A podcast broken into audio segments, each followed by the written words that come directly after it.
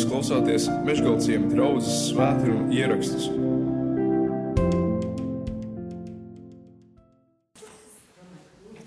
Es nezinu, jūs esat kādreiz mēģinājuši krist uh, cilvēku rokās. Ir tāda nu, ne spēle, bet tāds vingrinājums, kurā, kurā ir kaut kādi cilvēki, nezinu, seši, septiņi, kas stāv tev aiz muguras un tad saka, nu, krīt tā atmuguriski. Mēs tev ķersim. Man vienreiz tā bija. Tas bija vairāk kā desmit gadus atpakaļ. Šeit bija ieradies, ieradušies drafta puiši, tie jaunieši kristīgā nometne zēni. Un, un tā kā viņi bija šeit, es biju kā pa pusē nama tēvs, ja, tad viņiem bija šis vingrinājums. Viņi aicināja, nu tagad tu. Un toreiz tas vēl bija tur pie upes, pie Bārtas, upes krastos, un tur bija tāds, tāds mūrītis, ja, uz kura varēja uzkāpt, ja, tāds augstāks, paaugstāks no zemes. Un, un tur bija jāuzkāpj, ja, un atmuguriski neskatoties, tev jākrīt, un viņi tur ķer tev apakšā. Tā sajūta nav diezko patīkama. Kad tu skaties, kā citi to dara, tad tu domā, ej, nu kāpēc tu, to, kāpēc tu nekrīti? Ja? Bet tad, kad tu pats stāvi tādu gabalu no zemes, un tev tas ir jāizdara, ir citādāk. Bet tu to vari izdarīt, izdarīt tikai tad, ja tu uzticies tiem cilvēkiem, kas tev tur aizmugurē ir. Un tu vari uzticēties īstenībā tikai tad, ja tu viņus labi pazīsti. Ka viņi tev patiešām ķers. Iepriekšējā uh, reizē mēs um, runājām par, par attiecībām ar Dievu, kuras ir vissvarīgākais, pats sākums pats pamats tam, lai arī pārējās attiecības varētu sākt sakārtoties. Attiecības ar Dievu, kuras ļauj tev būt šajā dzīvē dzīvam, pa īstam dzīvam. Bez viņa elpas, kura ir ienākusi tevī. Cilvēks ir vienkārši dubļu pika. Cilvēks ir Eh, ķīmisku elementu kopums kaut kāds. Ja? Bet caur Jēzu Kristu, caur viņa dzīvību, kas ienāk cilvēkā, cilvēks var sākt bioloģiski, beidzot pa īstam jēgpilni dzīvot, varētu teikt, bet arī, arī mūžīgā dzīvība, arī mūžīgā dzīvība, kas ies pāri šīs dzīves robežām, tā arī kļūst par mūsu realitāti. Dieva elpa, Dieva gars, kas iemājo mūsos, ļauj ieraudzīt dzīvi īstajās krāsās. Un arī sava tuvākā cilvēka dzīvi, savu tuvāko cilvēku īstenībā tu sāc ieraudzīt un vērtēt uh, kā, kā vērtību daudz lielāku. Attiecībās ar Dievu viņš ir tas, kurš vienmēr spēr pirmo soli. Viņš ir tas, kurš, uh, kurš meklē grēcinieku. Bībele to saka, ka viņš ir nācis meklēt, viņš ir nācis glābt, viņš ir tas, kurš samaksā to izpirkuma cenu. Viņš ir tas, kurš samaksā grēka sodu, grēka algu. Viņš ir tas, kurš arī šo izglābto grēcinieku aicina. Viņš aicina no tumsas gaismā, viņš aicina no nāves dzīvībā, viņš aicina tevi spērt šo soli. Dieva virzienā. Tā ir viņa iniciatīva. Viņš ir tas, kurš izradz no pasaules un dara par ķēnišķīgiem priesteriem, par dieva tautu, par dieva īpašumu. Viss, tas viss ir, tas nāk no viņa. Un tomēr katrās attiecībās mēs būsim sastapušies ar, ar to, ka, ka ir tāds uzrāviens, ir kaut kāds uzrāviena posms, ja, un tad tam sako bieži vien tāds atslābums. Mēs to noteikti būsim pieredzējuši, vai ne? Tie, kas arī esam varbūt laulībā, ja, ka, ka ir pirms tas iemīlēšanās posms, ja, tas uh, uzrāviens, tāds ļoti, nu, visa pasaule ir rozā krāsās, vai ne? Un tu esi, tu esi spēka un spara pilns, un tad nāk jūsu laulības, vai ne, kā kalngals, Un tad bieži vien pēc kāda laika tu jūti, ka kaut kas atslābst, kaut kas, kaut kas parādās, un tāds, ko tu nebija gaidījis, un tā tālāk, un, un tās, tās attiecības sāk atslābt. Un tieši tāpēc ir nepieciešama šī turpinošā iepazīšana. Tas ir tas pirmais vārds, kurš ir mūsu šīs dienas tēmā. Ja? Iepazīt, pazīšana un uzticēšanās. Tāpēc ir nepieciešamība turpinoši iepazīt cilvēku, kurš tev ir līdzās. Jūs arī varbūt būsiet dzirdējuši par to, kādas, kā notiek laulības vai precības austrumos. Ka tur notiek droši, nu, bieži vien otrādāk nekā mums šeit. Mēs te iemīlamies, aprecamies un pēc tam cīnāmies ar to, ka mēs savā attiecībās atslābstam. Tur ir otrādi. Tur kādreiz pat vīrietis un sieviete, šie jaunie cilvēki, viņi nepazīst pirms kāzām viens otru. Viņi vecāki viņus ir jau kā mazus bērnus sadarinājuši, ja, un tad tajā laulību dienā tā ir pirmā diena, kad viņi varbūt viens otru vispār ierauga, kāds viņš izskatās. Ja. Un tad būtībā pēc tam laulībām viņiem ir jāsāk strādāt pie tā, lai tajā brīdī tā, tā mīlestība un tās attiecības sāktu dzimt un augt un attīstīties, iet uz augšu. Ja. Viņiem, ir, viņiem ir jāuzsilda šīs attiecības. Kaut kā līdzīgi ir arī ar Dievu. Tad, kad mēs lasām Bībeli, tad ir sevišķi soļu grāmatā, vecajā derībā, kur, kur apsolītajā zemē jau ir iegājusi šī Izraēla tauta un ieņēmusi tās vietas, ja? Bet viņiem vēl nav ķēniņa un tā, bet, bet tur var redzēt, ka ir šīs attiecības iet tā kā pa viļņiem. Viņi ir ar Dievu, viņiem viss notiek labi, bet tad viņi atslāpsti, tad Un tad, kad viņi atslābst, tad Dievs pieļauj, ka nāk ienaidnieki, iekaro viņu zemi. Tad viņi sauc un aicina, dara kaut ko, lūdz Dievu, meklē kaut kādus glābējus, un tad atkal Dievs viņus ved augšā. Un visu laiku ir redzama šī, šī augšup un lejup ejošā uh, līnija.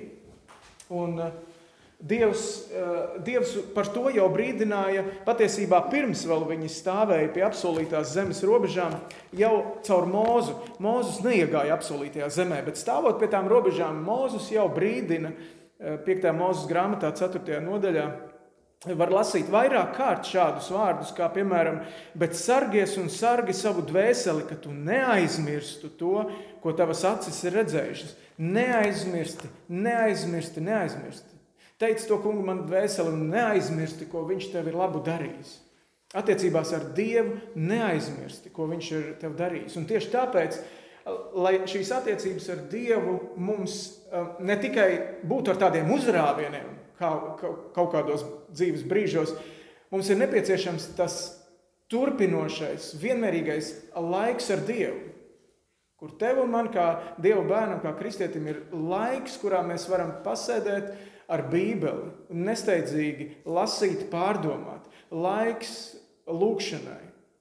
Ja tas tev nebūs kā kristietim, tavas, tavas dzīves 24 stundu kaut kādā brīdī nolikts laiks tam, tad tas ir tikai laika jautājums, ka patiešām tavas attiecības ar Dievu vienkārši sāks izčākstēt un sāks uh, atslābt. Tieši tāpat tās ir arī ģimenēm. Tieši tāpatās ir arī ģimenē. Ja tu nepavadi laiku kopā ar savu sievu vai ar savu vīru, tad tas ir tikai laika jautājums. Kvalitatīvi pavadīts laiks. Ja? Es pat klausījos, dažas nedēļas atpakaļ bija Latvijas rādio, tur ir dienas vidū ģimenes studija. Un tur arī bija ar kaut kādiem psihoterapeitiem, man liekas, pārunas par, par, par šī, šādām ģimenes problēmām. Un, nu, kā jau pasaulīgi psihoterapeiti, tur bija padomi dažādi, bet man bija interesanti, ka viens jautājums bija, vai ja mums ir problēmas mūsu ģimenes attiecībās, vai ir vērts padzīvot atsevišķi kādu brīdi? Un es esmu to dzirdējis. Mēs padzīvosim atsevišķi, nomierināsimies, un tad jau viss būs kārtībā. Pat šie pasaulīgie psihologi to neieteica. Viņi teica, tā nav izēja. Ja jūs gribat savākt savas attiecības, jums ir jābūt kopā, kvalitatīvā laikā. Jums ir jābūt sarunām, jums ir jābūt blakus viens otram. Tā tas ir gan ar Dievu, tā tas ir Arī mums cilvēku starpā. Tā tas ir arī draudzē. Ja mēs gribam draudzē piedzīvot tādas mīlošas, skaistas attiecības savā starpā, mums ir jābūt kopā. Svētdienai ir jābūt rezervētai, priekš tā, ka mēs šeit sanākam kopā. Jo mūsu gadījumā mums jau tā ir katra otrā svētdiena, tā. Ja? Tas nozīmē, ja tu vienu svētdienu izlaidi un neesi draudzes pulkā, tad tu jau veselu mēnesi esi izlaidis pēc būtības. Tu jau veselu mēnesi savu brāli un māsu Kristu nesi saticis. Jā, tu, protams, atnāc pēc mēneša vai pēc diviem kaut vai, ja, un, un mīlestība visu pārklāja, un tas Dieva gars, kas ir tevī, un Dieva gars, kas ir manī, mūs, mūs savieno atpakaļ un tā, bet mēs vairs nepazīstam viens otru. Mēs vairs nezinām viens par otru dzīvi. Mēs nepazīstam viens otru tik dziļi, cik tam tā vajadzētu būt.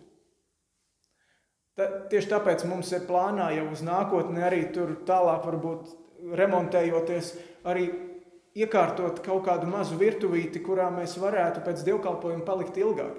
Es ar prieku redzu, ka cilvēki tiešām, nu, kam ir jāiet iet, bet daudzi paliek vienkārši un grib vēl, vēl satikties, parunāties un tā, vai ne? Mēs pietiekami reti satiekamies. Ka būtu šāda virtuvīte, kur mēs varam uztaisīt tēju, kafiju, pasēdēt, parunāt, palūgt Dievu kopā.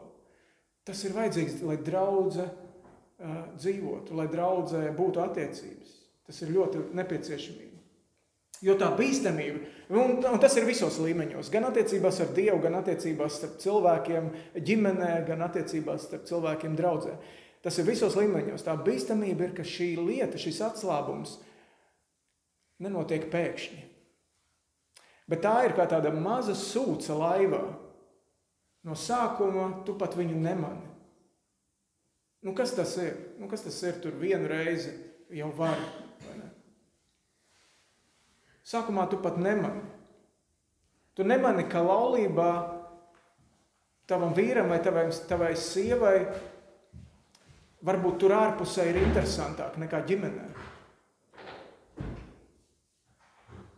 Tu nemani, ka taviem bērniem, varbūt tur ārpusē, viņš uzticas kādam vairāk nekā tev, kā, tavam, kā, kā tētim vai mammai. Mēs pat draudzē varam nepamanīt, ka kādam citur šajā rītā ir interesantāk nekā šeit, starp mums būt. Ka kaut kur citur viņš jūtas mīlētāks nekā šeit, svētdienas rītā.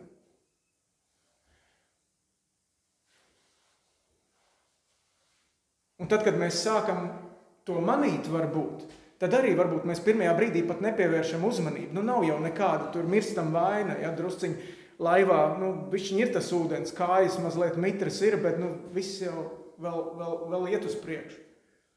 Bet tad, kad augaļām sāk gāzties tas ūdens iekšā, tad mēs sākam saukt, tad mēs sākam meklēt to palīdzību. Ja? Tad mēs sākam meklēt uh, glābšanas riņķi. Un tad bieži vien izrādās, ka jau ir pa vēlu. Ka tām attiecībām varbūt tu jau esi miris, tu jau esi beigts. Tur vairs nav ko atdzīvināt. Kaut gan es saku, es ticu, ka Dievs spēja atdzīvināt. Viņš jaunā derībā atstās trīs notikumus, kur viņš ir mirušs cilvēks atdzīvinājis. Viņš var arī mirušas attiecības atdzīvināt. Tā mēs ticu, ja? bet nevajadzētu tik tālu nonākt. Pievērs uzmanību mazajām lietām attiecībās. Ja? Vai ģimenē tev ir kādreiz pusdienas kopā visai ģimenei? Vecākiem un bērniem, kurās nu, kaut vai tu paēdi vai ne parunājiet. Vai jums ir rīta vai vakara lūkšanas, vai ne, sanākšana kaut kāda kopā, vai tāda ir? Vai attiecībās ar Dievu tev ir klusais laiks katru dienu? Tam nav jābūt 2 stundas 40 minūtes, tā kā nu, no 24 stundām desmitā daļa. Ja? Tam nav jābūt varbūt 2 stundas 40 minūtes, tam, bet 10 minūtes vai 5 minūtes, kurā tu netraucēti esi kopā ar Dievu vārdu un lūgšanu. Vai tas tavā dzīvē ir? Vai svētdiena ir rezervēta nekam citam kā draudzēji? Viena, divas stundas svētdienā. Vai tās ir tavā dzīvē? Šai iepazīšanai, Dieva un sava tuvākā cilvēka iepazīšanai ir liela nozīme, jo tā ved pie uzticēšanās. Un šis ir tas otrs vārds. Tu uzticies tam, ko tu pazīsti. Mēs arī saviem bērniem mācām neusticēties tur kuram katram, ja, kurš tev piedāvā konfekti uz ielas. Bet mēs mācām uzticēties vecākiem. Pat ja tu nesaproti, kā bērns, kāpēc viņš tev liek darīt to vai to, uzticies. Tētis zina labāk, vai māma zina labāk.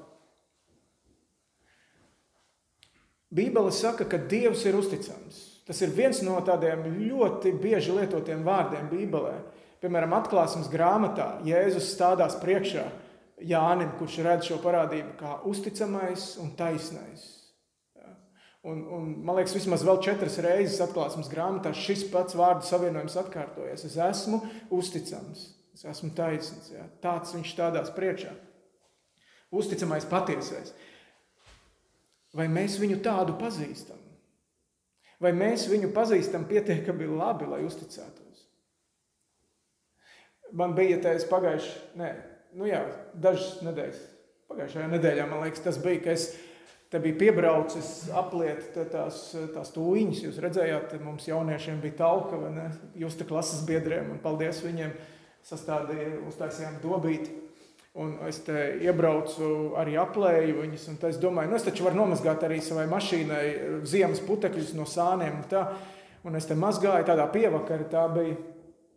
Un es mazgāju, un tā es tā domāju, Cik labi būtu, ja es tagad tos divus kilometrus, kas man te pa putekļaino ceļu līdz mājām brauktu, nu, kad neviens nebrauktu, zin, nenoputinātu atkal mani. Ne? Nu, tā.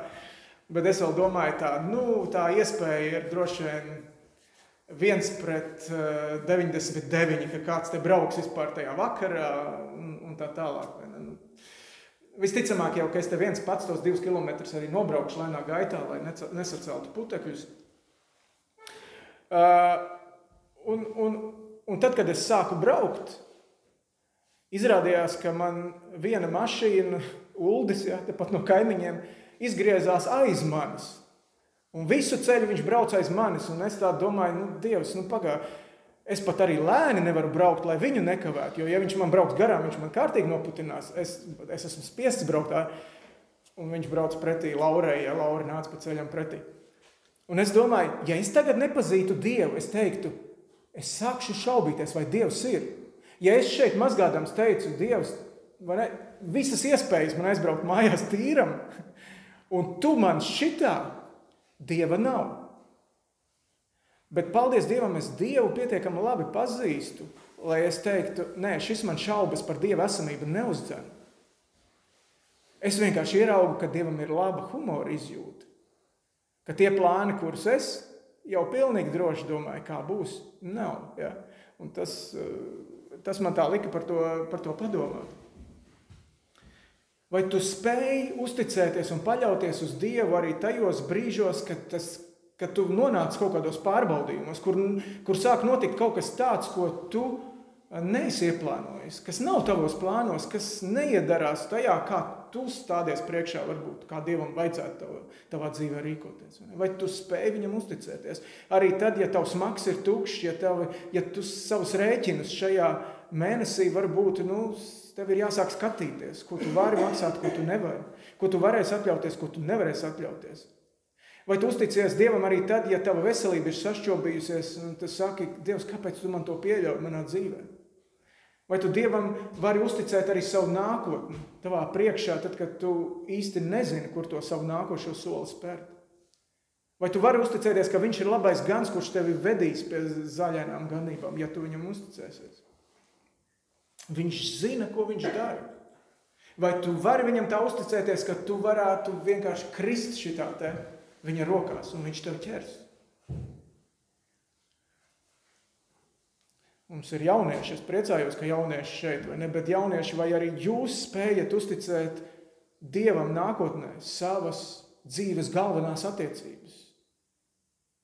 Savu nākotnes sievu vai nākotnes vīru? Vai tu spēji šajā laikā jau, jau, jau šīs lietas uzticēties? Jo cilvēki var likties uzticami. Tu pats gribi atstāt labu iespaidu, tad, kad tu Es pats arī esmu bijis jauns, kad tu atnāc vai ne svešu meiteņu kaut kādā, nezinu, pēkšņi notik, nometne vai, vai, vai dievkalpojums, un tur ir svešas meitenes. Tu gribi atstāt labu iespēju. Tieši tāpat tās arī viņas grib atstāt uz tevi labu iespēju, vai ne? Uh, tam ir, ir vajadzīgi kopīgi pavadīts laiks. Ir vajadzīgs, vajadzīgas dažādas situācijas, un tikai pēc tā laika tu vari sākt spriest Un citi arī par tevi var sākt spriest, kāds tu esi. Un tu vari spriest, kāds ir viņš. Ja, tu vari ieraudzīt to īsto bildi. Vai tu vari Dievam uzticēties un neskriet, kā teikt, vai ne pirmai, uh, pirmajai iespējai līdzi. Benjamins Franklins uh, kādreiz esot teicis uh, jauniešiem, ja, es domāju, pirms laulībām turi acis plati vaļā. Pirms laulībām tur ir acis plati vaļā. Pēc laulībām puspievērtas. Mums arī droši vien, kas jau esam laulībā, arī šim padomam vajadzētu kādreiz, eh, kādreiz atcerēties. Pirms laulībām tur ir acis plati vaļā, pēc laulībām puspievērtas. Jāņa evaņģēlijas desmitā nodaļa. Jūsu bībelēs tā ir 1042. lapus, ja jūs gribat ātri varat atšķirt. Sākumā pirmie, pirmie seši panti. Jēzus saka, patiesi, patiesi es jums saku, kas neieiet pa durvīm avju kūtī, bet citur kā piekšā ir zaglis un laupītājs. Bet kas ieiet pa durvīm, ir avju gans. Viņam durvju sargs atver, un avis klausa viņa balsī, un viņš savas avis sauc vārdā un izved tās ārā. Kad viņš visas savas avis izlaidis ārā, viņš pats iet tām pa priekšu, un avis viņam sekojot, tās pazīst viņa balsi. Svešam turpretīm tās nesakos, bet bēgs no tā, jo viņas nepazīst svešinieku balsi. Šo līdzību Jēzus tiem stāstīja, bet tie nesaprata, ko tas nozīmēja, ko viņš uz tiem runāja. Šī mazā līdzība runā par gana un aitu attiecībām.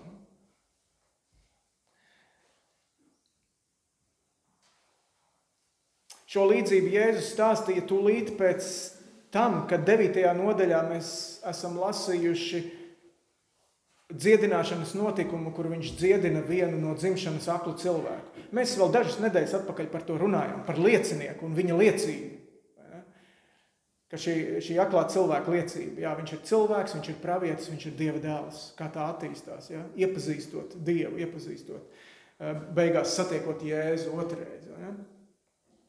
Uh, nu, lūk, un, un tūlīt desmitajā nodaļā Jēzus sāk par šo runāt. Tur ir, tur ir tāds tā kā attiecību trīsstūris. Tur ir gans, tur ir aitas, un tur ir šis svešais, šis zaglis un laupītājs, kurš kāpj iekšā pa logu un nenāk pa durvīm. Nu, skaidrs, ka mēs esam tās aitas. Mēs esam tā, tie nesaprātīgie dzīvnieki, ja, kuri dažreiz tālāk par to zāles kumšķi, kas mums deguna galā ir, mēs arī neko neredzam. Un tāpēc tās mūsu dzīvības, mūsu drošības dēļ mums ir jābūt kopā. Ja. Pazudusi auss bieži vien nozīmē arī beigta auss. Ja? Tāpēc mums ir jāturās kopā, ganāmpulkā. Palestīnā aitas turēja mazāk gaļas dēļ, vairāk vilnas dēļ. Un līdz ar to šīs aitiņas dzīvoja vairākus gadus, ja, ganāmpulkā iekšā. Un uh, gans pazina šīs avis. Tur viņam bija savi vārdi, jau tāpat kā mums govīm ir katram savu vārdu. Mēs zinām katras govs raksturu un tā tālāk. Tāpat tās Palestīnas gani pazina savas, savas aitas. Uh, un tieši tāpat tās arī aitas pazina savu ganu. Viņas pazina savu ganu pēc balss. Kāds ceļotājs bija redzējis un stāsta to situāciju, ka viņš redz, redz ka vienā, vienā vakarā divi gani sadzen divus ganāmpulkus iekšā vienā aplokā. Ja? Un otrā rītā, tā, kad viņi laiž ārā, viņš domā, kā viņi atšķirs tagad. Bet vienkārši tie gani aiziet katrs uz savu pusi un sauc savas aitas un aitas aiziet katra pie saviem ganiem uh, atpakaļ.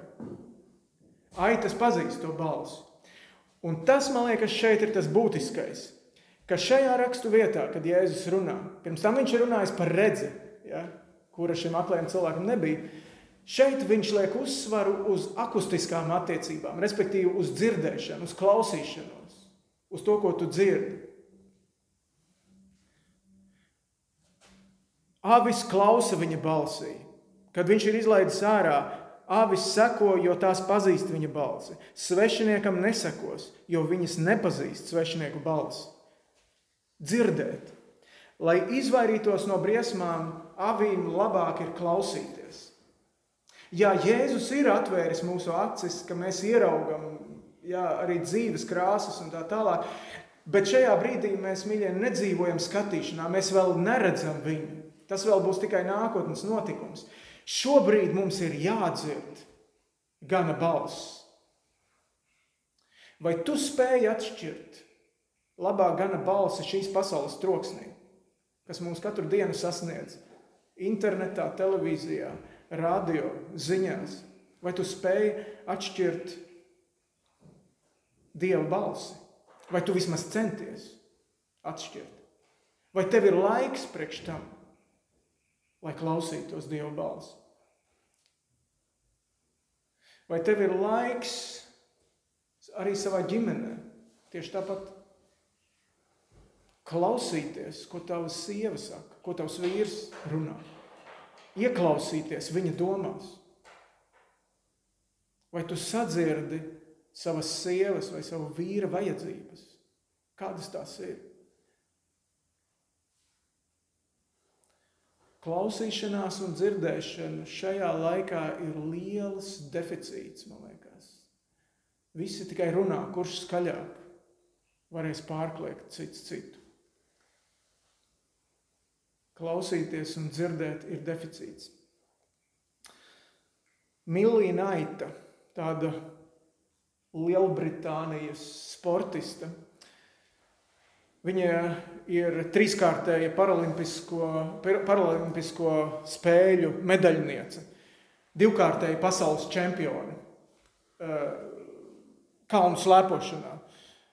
Ziniet, tas nobrauciens vai slaloms. Ja? Viņi tur visās tajās kalnu slēpošanas distancēs ir ļoti, ļoti labi sportisti, bet viņi ir vājredzīga.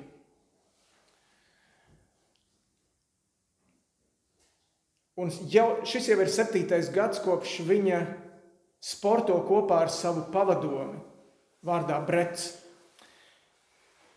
Un viņa saka, ka šīs attiecības man ar šo manu sporta pavadoni ir ļoti, ļoti īpašas attiecības. Viņš ir mans labākais draugs. Es viņam uzticos. Citādi viņa to nemaz nevarētu. Ar ātrumu apmēram 120 km/h drāsties lejā no kalna.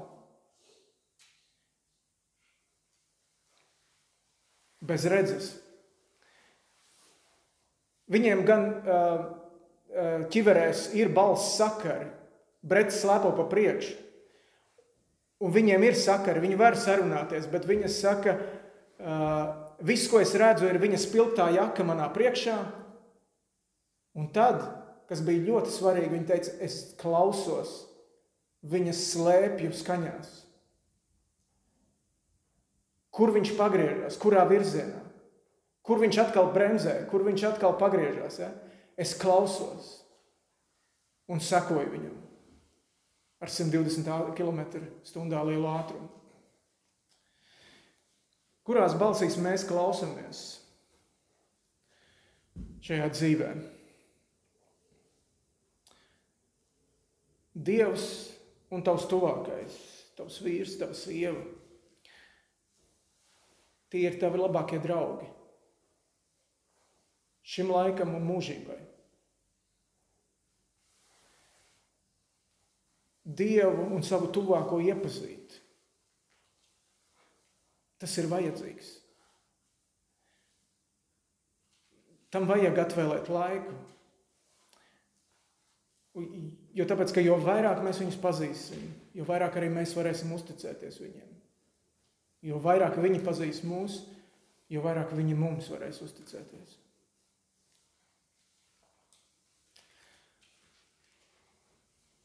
Lūksim!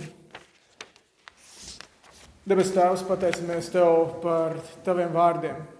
Pateicamies, ka Tu esi labais gans, kurš zina trasi, kurš zina katru pagriezienu, kurš zina katru purvainu vietu, kurai apvest savas avis apkārt. Dažreiz mums liekas, ka tur ir vēl zaļāk nekā tur, kur tu mūs ved. Un tad mēs dragājam uz savu galvu, mēs lūdzam atdošanu, ka mēs tev neusticamies tik bieži vien. Un, un liekamies, esam gudrāki par tevi. Mēs lūdzam atdošanu arī, kur arī savus tuvākos esam atstājuši novārtā. Nē, esam klausījušies un dzirdējuši viņu vajadzības. Mums ir bijusi pašiem sava ideja, savas domas, kā kaut kam ir jānotiek, un mēs esam dragājuši kā ceļa ruļļi pāri un darījuši pāri saviem tuvākajiem. Mēs lūdzam, Kungs, ka Tu vari atjaunot to, kas ir atjaunojams, un dziedināt to, kas ir dziedināms. Jo Tev ir visas lietas iespējamas. Tu pat mirušos varēji atdzīvināt, Tu pat aklajiem no dzimšanas varēji atdot acu gaismu. Tāpēc mēs lūdzam, ka Tu atdzīvini ar savu gara elpu mūsu iesūnojošās attiecības ar Tevi vispirmām kārtām un palīdz palikt nomodā, neieļa, neielaist nekādas sūdzes šajās attiecībās. Un ka mēs varētu arī, ka tu varētu mums atdzīvināt un atjaunot un darīt skaistas tās attiecības, kuras tu mums esi devis šajā dzīvē kopā ar cilvēkiem, ģimenē un arī draudzē. Jēzus vārdā mēs to lūdzam. Āmen!